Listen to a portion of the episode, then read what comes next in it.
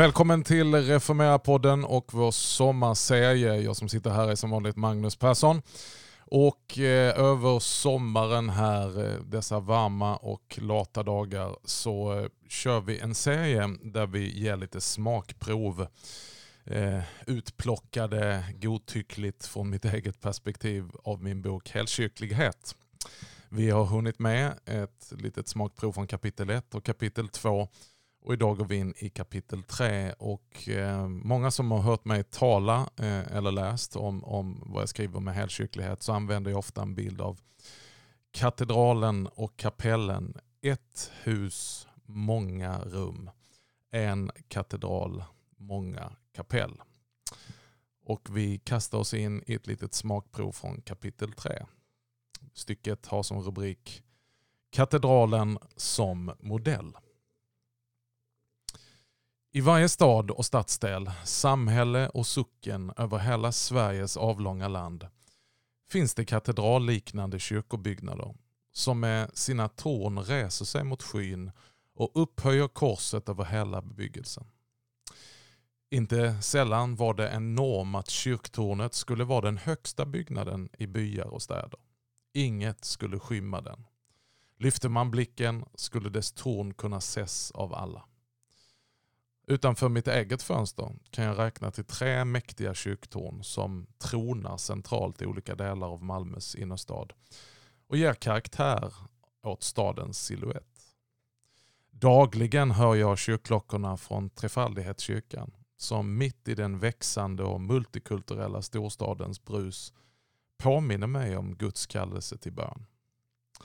Det är inte unikt för Malmö utan kännetecknar de flesta städer i Sverige på somliga av dessa platser runt om i landet har det betts och firats gudstjänst i snart tusen år. Inte sällan står kyrkorna i byns eller samhällets absoluta centrum. Som att hela livet var tänkt att kretsa kring kyrkans altare. Jag tänker inte minst på Sankta Klara kyrka mitt i Stockholms city, vars gudstjänstliv jag haft glädjen och förmånen att regelbundet på olika sätt tjäna. Klara kyrka har Stockholms högsta kyrktorn på 116 meter. Vilket gör det till Sveriges näst högsta kyrktorn. Bara Uppsala domkyrka med sina 118,7 meter är högre. I huvudstadens centrum reser det sig över betongdjungeln. Som ett hoppets tecken mitt emellan plenisalen och T-centralen. Storstadens liv pulserar dygnet runt kring denna katedral i maktens korridorer, i kommersens gallerier, kring restaurangbordens myllrande sål, såväl som i missbrukarnas och hemlös hemlöshetens katakomber. Man ska naturligtvis inte lättvindigt kalla alla kyrkobyggnader för katedraler. Med katedral syftar vi vanligtvis på en av de stora svenska domkyrkorna eller Nidarosdomen i Trondheim eller Notre Dame i Paris. Men i det här sammanhanget är jag inte ute efter att beskriva själva byggnaden utan att skissa på katedralen som en bild av Kristi kyrka. Ett kyrkligt och rymligt centrum på en lokal plats. En mångfaldens boning som inom sig härbärgerar olika fromhetstraditioner och betoningar och som gestaltar och förmedlar både höjden och djupet, bredden och längden av den fullhet som finns i Kristus. Ett kapell däremot, det är en kyrkobyggnad i mindre format. Idag ofta fristående, men från början som en del av ett större komplex. Till exempel ett sidokapell eller ett sidoaltare i en större kyrka eller katedral. Det är en avskild plats under katedralens rymliga valv där olika fromhetstraditioner kan samlas kring sitt altare med frihet att uttrycka och odla sin spiritualitet. Med den här boken vill jag försöka beskriva hur katedralen och kapellet hör ihop och behöver varandra. Denna symbios innehåller en viktig dynamik och är när kapellet ryms i katedralen istället för utan den som fristående egna enheter en tillgång som breddar och tar vara på kyrkans alla rikedomar. Joel Halldorf, professor i kyrkohistoria och kulturskribent, har många gånger använt bilden av katedralen och gjort den känd för en bredare krets i många olika fora. Han menar sig se två trender i kristenheten. Samfundsstyrelserna är upptagna av att skapa en slags varumärkeskonfessionalism där man betonar sin egen särart medan lekfolket bygger katedraler med utrymme för mångfald. Katedralen är konfessionalismens motsats. I sin bok Kyrkan på torget skriver han om man går in i en medeltida katedral ser man först huvudaltaret, centralt placerat långt fram. Men det är inte den enda platsen för gudstjänst i en katedral. Tittar man runt upptäcker man en rad sidokapell längs väggarna. Här samlas människor för mindre gudstjänster eller sitter i enskild bön. Katedralen är en byggnad som uttrycker kyrkans förmåga att förena enhet och mångfald. En kyrka, många kapell. Varje sidokapell representerade en spiritualitet, en särskild fromhetsinriktning. I kapellen fanns värme, glöd och tydlighet. Men det kunde också bli trångt. De enskilda, eh, det enskilda kapellet hade inte katedralens rymd och mångfald. Många lämnade. Den som avvek från ett av katedralens sidoaltare fanns fortfarande inne i den stora kyrkan. Men den som lämnar det fristående kapellet hamnar genast ute i kylan. Halldorf konstaterar att väckelsens kapell bättre kommer till sin rätt som sidoaltare i en katedral och att kyrkan behöver mångfalden och menar att den utveckling han ser av katedralens återkomst i kristenheten därför är något gott.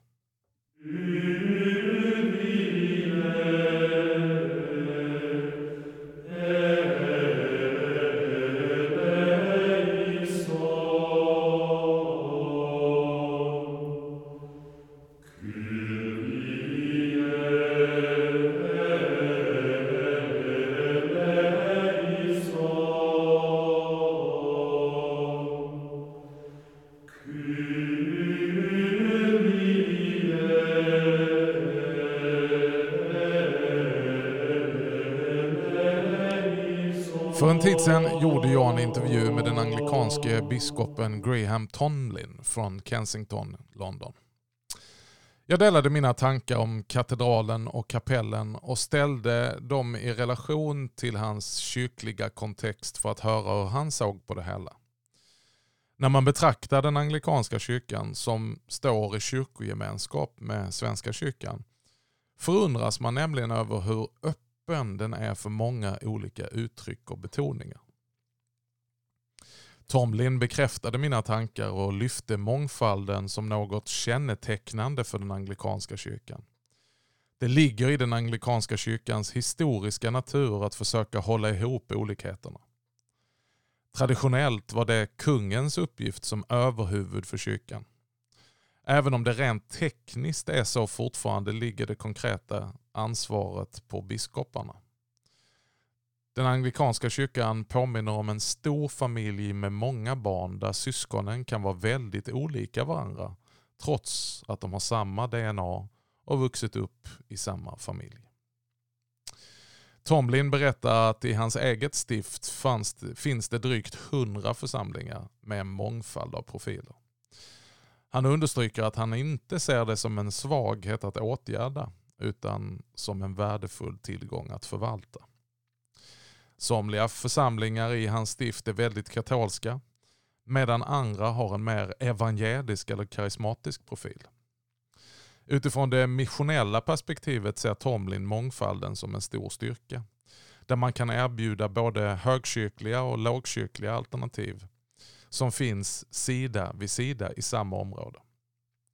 Tomlin hänvisar i detta sammanhang till C.S. Lewis som formulerade en typ av generös ortodoxi i sin bok Mere Christianity.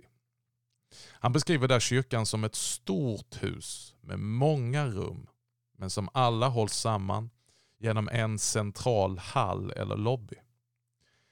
I rummen odlas olika fromhetstraditioner men dörren in till huset och hallen är gemensam för alla som finns under husets tak. Man behöver alltså inte lämna huset för att ta till sig rikedomarna som finns i de olika rummen. Men hur hålls då detta ihop så att det inte blir konturlöst och förvirrande?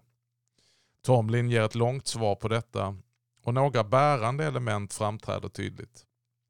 Han påpekar vikten av att regelbundet be tillsammans som prästerskap i stiftet och nämner sin kyrkas bönbok Book of Common Prayer som ligger till grund för en gemensam gudstjänststruktur. Han tillägger dock att det finns ganska stor frihet för olika uttryck. Men det som gör starkast intryck på mig det är när Tomlin berör vikten av den episkopala strukturen. Han menar att biskopen har en väldigt handfast och konkret uppgift som inte bara handlar om att underhålla en episkopal institution utan han betonar den personliga relationen och engagemanget till de lokala församlingarna där det regelbundet möts och samtalar och ber ihop. Man behöver dock inte åka till England för att höra liknande tankegångar. Ungefär ett år före samtalet med Tomlin gjorde jag en liknande intervju med Andreas Holmberg, biskop i Stockholms stift. Hans tankar som jag citerar nedan har många likheter med den anglikanske biskopens. Holmberg säger Biskopen är ett enhetens tecken med uppgift att hålla ihop kyrkan både historiskt och läromässigt, men även dess mångfald och olikheter. Därför lägger jag mycket av min tid och kraft på stiftets drygt 50 kyrkoherdar. De är mina närmaste och viktigaste medarbetare eftersom de lokalt leder församlingens arbete med att bygga Guds rike. Just mångfalden av traditioner och betoningar bland församlingarna i Stockholms stift ser Holmberg som en stor rikedom. Ett ämne som han också har belyst i sin doktorsavhandling. Själv kallar han sig för något av en teologisk hybrid. Uppväxt i en högkyrklig miljö med rik liturgi mötte han under sin prästutbildning på Johannelund den lågkyrkliga traditionen med dess innerlighet och engagemang. Han har även tagit intryck från befrielseteologin, den ignatianska spiritualiteten, såväl som influenser från den ekumeniska rörelsen. Holmberg fortsätter och säger Jag är präst i en evangelisk-luthersk kyrka, men jag känner mig i många avseenden som det jag i avhandlingen kallar för pankristen. Därför tycker jag att det ligger mycket i vad du kallar för helkyrklighet. Att se mångfalden av olika liturgiska betoningar och fromhetstraditioner som en tillgång för kyrkan. Jag har som sagt själv formats och hämtat inspiration från många olika traditioner. Svenska kyrkan är på marknivå inte längre strikt svenskkyrkligt menar han. Det är en stor gåva till kyrkan att, speciellt i storstädernas mångkulturella förorter, många med annan kyrklig och kulturell bakgrund har hittat hem i våra församlingsgemenskaper. Där firar man gudstjänst utan tanke på några ekumeniska avtal. Jag kallar det för kyrkfolksekumenik. Det sker så att säga underifrån. Så långt citat biskop Andreas Holmberg. Templet och synagogan. Det finns vissa likheter mellan katedralen och kapellet som påminner om relationen mellan templet och synagogan på biblisk tid. Templet i Jerusalem var den stora helgedomen och utgjorde centrum för Israels gudstjänstliv. Dit begav sig pilgrimerna för att fira de stora judiska högtiderna och där gjorde prästerna tjänst. Hjärtat av tempelgudstjänsten var frambärandet av offerlammet till försoning för folkets synder under Jom Kippur, försoningsdagen. Altarets offer är centralt och offrandet löper som en röd tråd genom gudsfolkets historia. Offergudstjänsten kringgärdades efterhand av noggranna föreskrifter som skulle säkra att offret gick rätt till och tjänade Guds syften. Och vi gör klokt i att reflektera över dessa föreskrifter också idag. Vi kan läsa från femte Moseboks tolfte kapitel.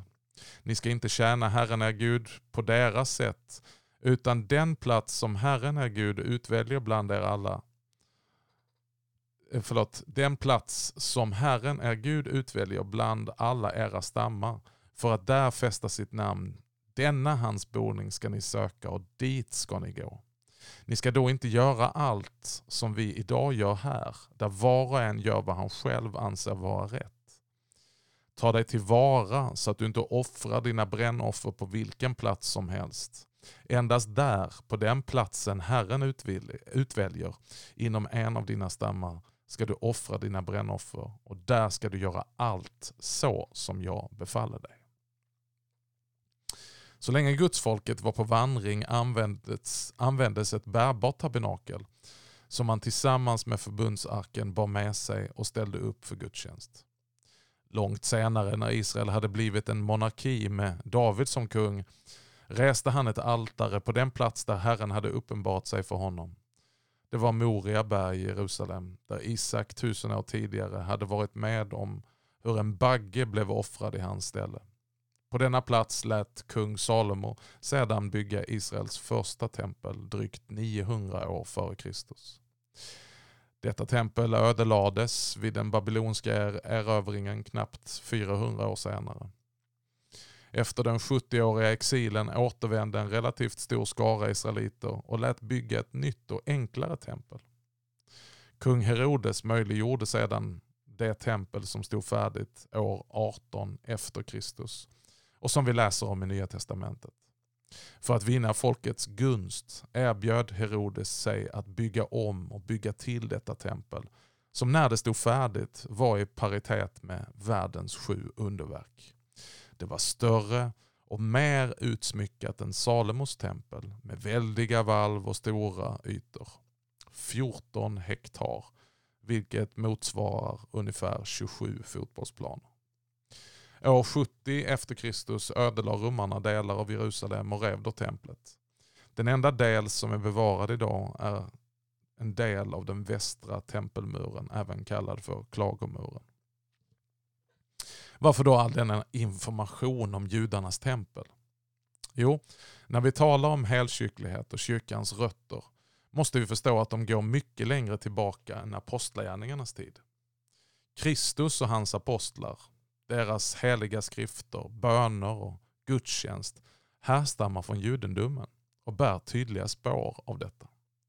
När vi som moderna kristna missar det perspektivet förlorar vi även viktiga insikter och nycklar till hur den unga kyrkan uppfattade sig själv och utformade sin kyrkosyn, sin bön och sin gudstjänst.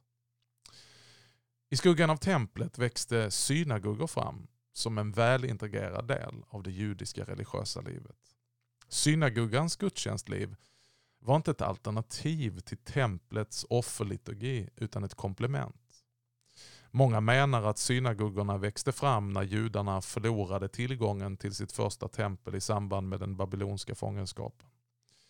Men forskningen visar dock att det troligen uppstod under hellenistisk tid kring 300-talet före Kristus.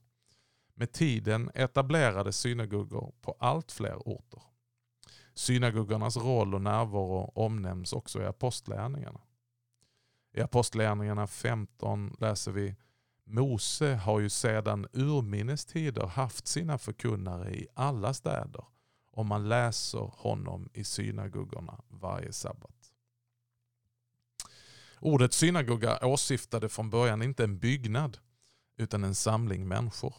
Ordet härstammar från grekiskan synagoge som betyder samling. En församling som samlas till bön, undervisning och gudstjänst. Var helst man kunde samla tio vuxna judar kunde en synagoga bildas. Informella samlingar kunde dock hållas långt innan man hade möjlighet att bygga en synagoga. Till skillnad från templet förekom aldrig några offer i synagogan.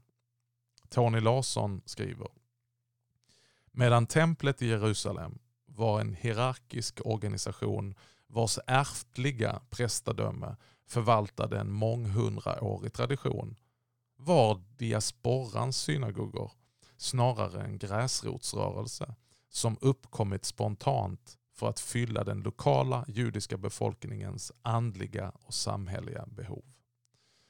Larsson fortsätter sin beskrivning med att betona det lekmannaengagemang som präglade livet i dessa församlingar.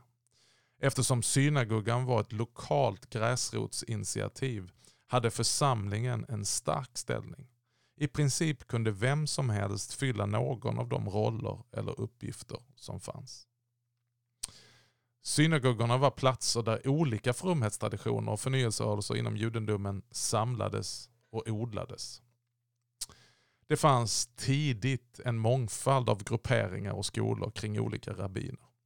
I evangelierna möter vi de skriftlärda som tillhörde en av de två främsta grupperingarna, saddukeerna eller fariseerna. Fariseerna har av olika skäl fått ett väldigt dåligt rykte, men det var under nytestamentlig tid en respekterad och inflytelserik grupp med en strikt konservativ teologi. Saddukeerna hade en mer politisk profil och hade mindre av de pietistiska dragen. Seloterna var en annan riktning vars religiösa övertygelser tog sig uttryck i en revolutionär inställning där man ville störta den romerska ockupationsmakten. Johannes döparen förmodas ha haft en koppling till ytterligare en grupp som kallades för esséerna. Denna grupp var den som mest kriti var mest kritisk till tempeljudendomen och dess överste präster. Esséerna var en gemenskap som ägnade sig åt jordbruk och hantverk. De hade starka monastiska drag och förespråkade saker som asketism och celibat. Avskildhet för studium av skrifterna, meditation, mystik och djup andlighet präglade deras strängare form av judisk fromhet. Åter en annan gruppering möter vi i apostlärningarna i samband med diakonen Stefanos avrättning. Vi kan läsa i Apostlagärningarna 6. Då kom det fram några från synagogan som kallades de frigivnas. Folk från Kyrene, Alexandria, Kilikien och Asien och började diskutera med Stefanos. Det förekom dock inte några större motsättningar eller konkurrensförhållanden mellan synagogorna och templet. Många tempelpräster hade ledande roller även i Israels synagogor. Dessa mindre enheter var omistliga för ett fungerande församlingsliv och för att uppehålla och odla den judiska tron och fromheten. Utan synagogor ingen judendom kan det till och med heta. De olika synagogorna var även naturliga platser för Jesus och sedermera apostlarna att verka i. Där kunde de undervisa, be och bota sjuka, något som vi kan läsa om i evangelierna och i apostlagärningarna. Lukas skriver om Jesus. På sabbaten gick han som han brukade till synagogan. Han reste sig där för att läsa ur skriften. Lukas 4.16. Jesus säger själv inför Pilatus jag har alltid undervisat i synagogan och i templet där alla judar samlas. Johannes 18 och 20. Utifrån dessa judiska församlingar av olika riktningar uppstod också de tidiga kristna församlingarna på olika platser runt omkring romarriket under apostlarnas missionsresor. När Paulus och Barnabas kom till Antiochia kan vi läsa på sabbaten gick de till synagogan och satte sig. Efter läsningen av lagen och profeterna lät synagogoföreståndaren hälsa dem bröder, om någon av er har ett ord av tröst och förmaning till folket så säg det. Apostlagärningarna 13 och 15. Det står även om när Paulus var i Aten att han förde samtal i synagogan med judarna och med dem som vördade Gud. Apostlagärningarna 17 och 17. Och att han i Korint varje sabbat förde samtal i synagogan och försökte övertyga både judar och greker.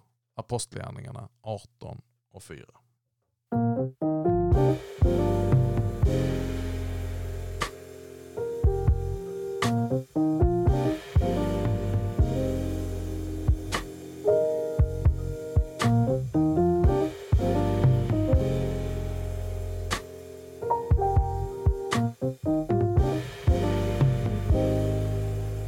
Mångfalden gror i marginalerna.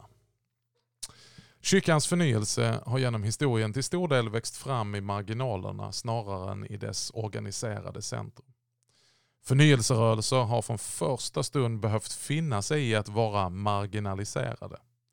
Det ligger liksom i dessa rörelsers natur och något annat skulle förmodligen inte vara möjligt.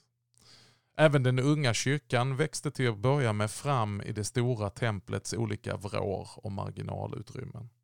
Även om utrymmet av olika skäl var begränsat och efterhand blev belagt med restriktioner.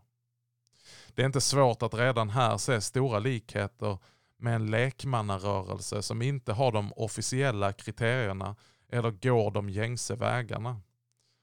Det står att läsa i Apostlagärningarna 4 att de var olärda män ur folket, men att de hade varit med Jesus.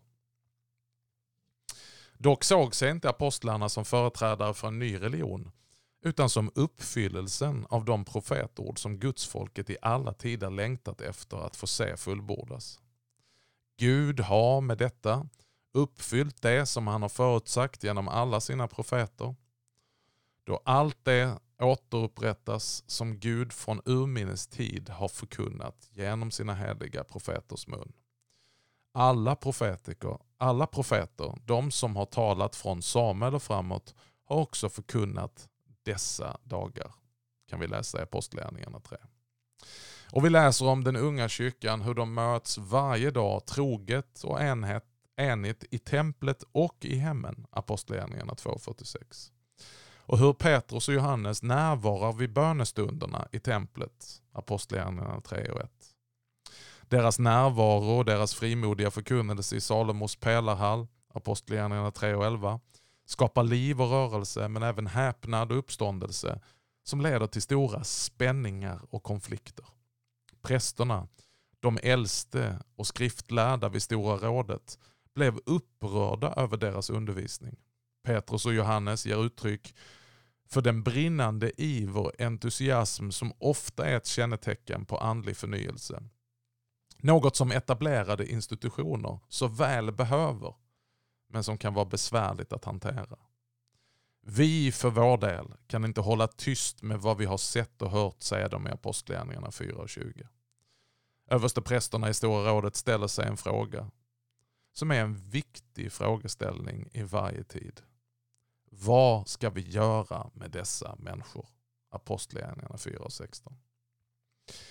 Jag tror inte jag överdriver om jag hävdar att denna fråga är en av vår tids ödesfrågor. Vad ska vi göra med dessa människor och rörelser? I detta kapitel vill jag därför också lyfta hanteringen av katedralens sidokapell, kyrkans inomkyrkliga förnyelserörelser och olika fromhetstraditioner av idag. Kanske vi här kan finna resurser för kyrkans vitalisering i vår tid. Precis som i gångna tider.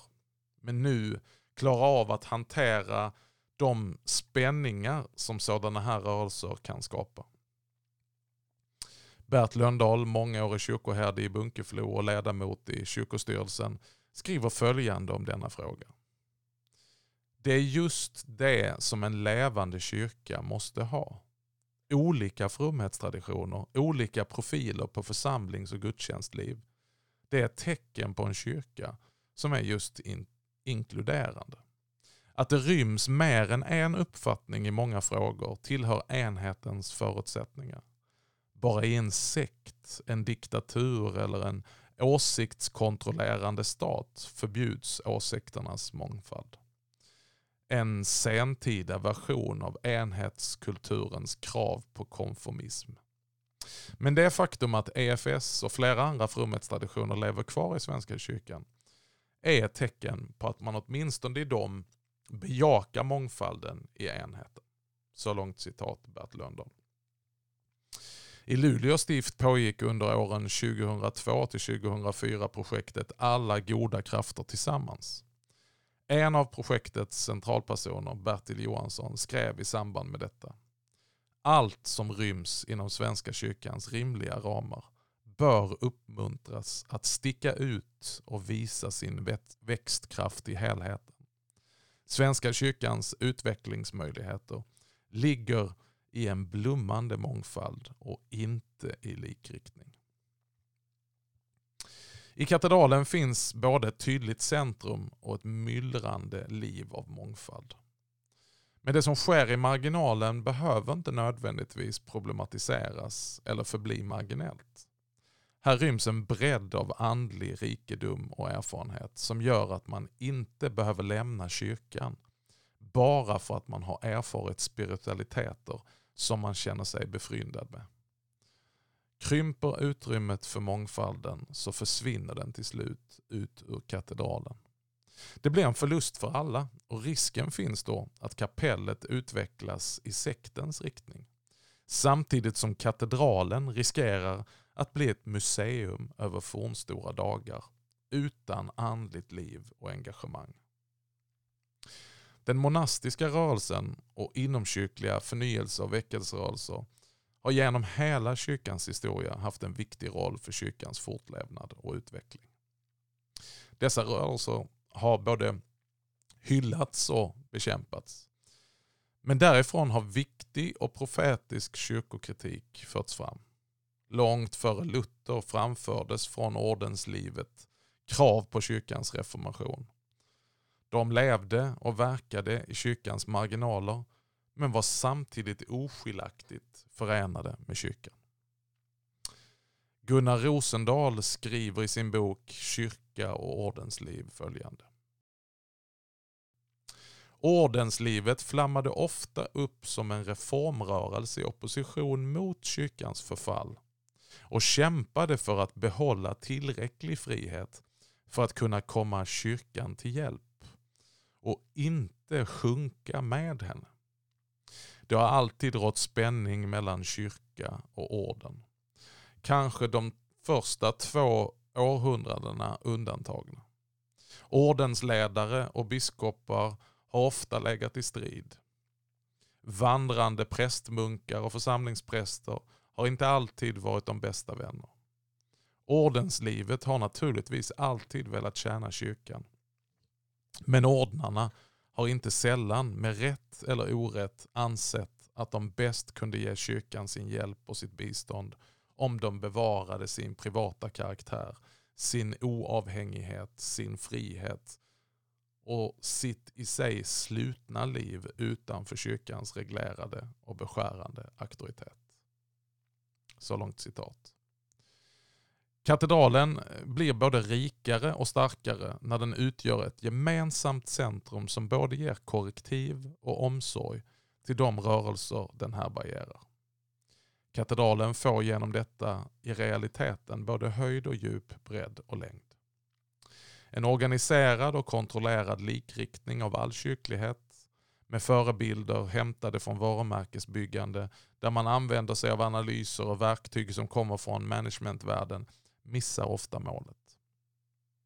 Kyrkohistorikern Samuel Rubensson skriver insiktsfullt om vad han kallar för den monastiska marginalen. Ett definierat och accepterat utrymme för det hängivna livet. Han menar att kyrkohistorien är fylld av människor som försökt hålla fast vid gemenskapen genom att leva i marginalen. Ett utrymme i utkanten av den organiserade och med makt sammanhållna kyrkan. Rubensson fortsätter med att hävda att kyrkan måste vara mån om att tillhandahålla dessa utrymmen, om än i marginalen. Annars upprepar sig historien, där grupper motvilligt fått lämna kyrkan för att den officiella strukturen inte tillåtit eller kunnat härbärgera former för ett liv i marginalen. Mot denna bakgrund riktar Rubensson en utmaning till dagens kyrkoliv. Om inte kyrkor och församlingsledningar förmår acceptera och respektera behovet av ett monastiskt liv i kyrkan, platser som utgör verkstäder för fördjupat andligt liv och plantskolor för andliga ledare, får man nog räkna med både splittring och utarmning. När Ivar Lundgren gör en stor intervju med den svenske pingstledaren Levi Petrus. Strax före hans död kommer frågan upp om varför den romersk-katolska kyrkan till stor del lyckats hålla ihop, medan protestanterna har fortsatt att dela upp sig i ständigt nya grupper och kyrkobildningar. Den till åren komne pingstledaren som i begynnelsen av den unga och framväxande pingstväckelsen själv såg den som en förnyelserörelse inom Svenska kyrkan svarar. Det är mycket enkelt. Katolikerna har aldrig uteslutit dem som kommit med nya rörelser. De har absorberat dem. De har ofta gjort en munkorden av dem eller något sådant. De har kanske sagt de är fanatiker Men de är ärliga. Låt dem hållas. Vi behöver dem. På det sättet har katolska kyrkan hållit ihop. Protestanterna har däremot sagt, har du inte samma åsikt som oss, så ut med dig. Det har de hållit på med. Det har jag själv upplevt. Jag anser att här har katolska kyrkan begripit en sak. Och någon verklig enhet inom protestantismen blir det aldrig förrän protestanterna erkänner att andra som har andra åsikter och andra erfarenheter har samma rätt som dem. Så långt citat. Ivar Lundgrens intervju med Levi Petrus. Ett smakprov från kapitel 3 i boken Helkycklighet. Tack för att du har lyssnat på dagens avsnitt och vi fortsätter att ge smakprov från den här boken nästa fredag. Tills dess, njut ledighet, sommar, sol och värme. Tack.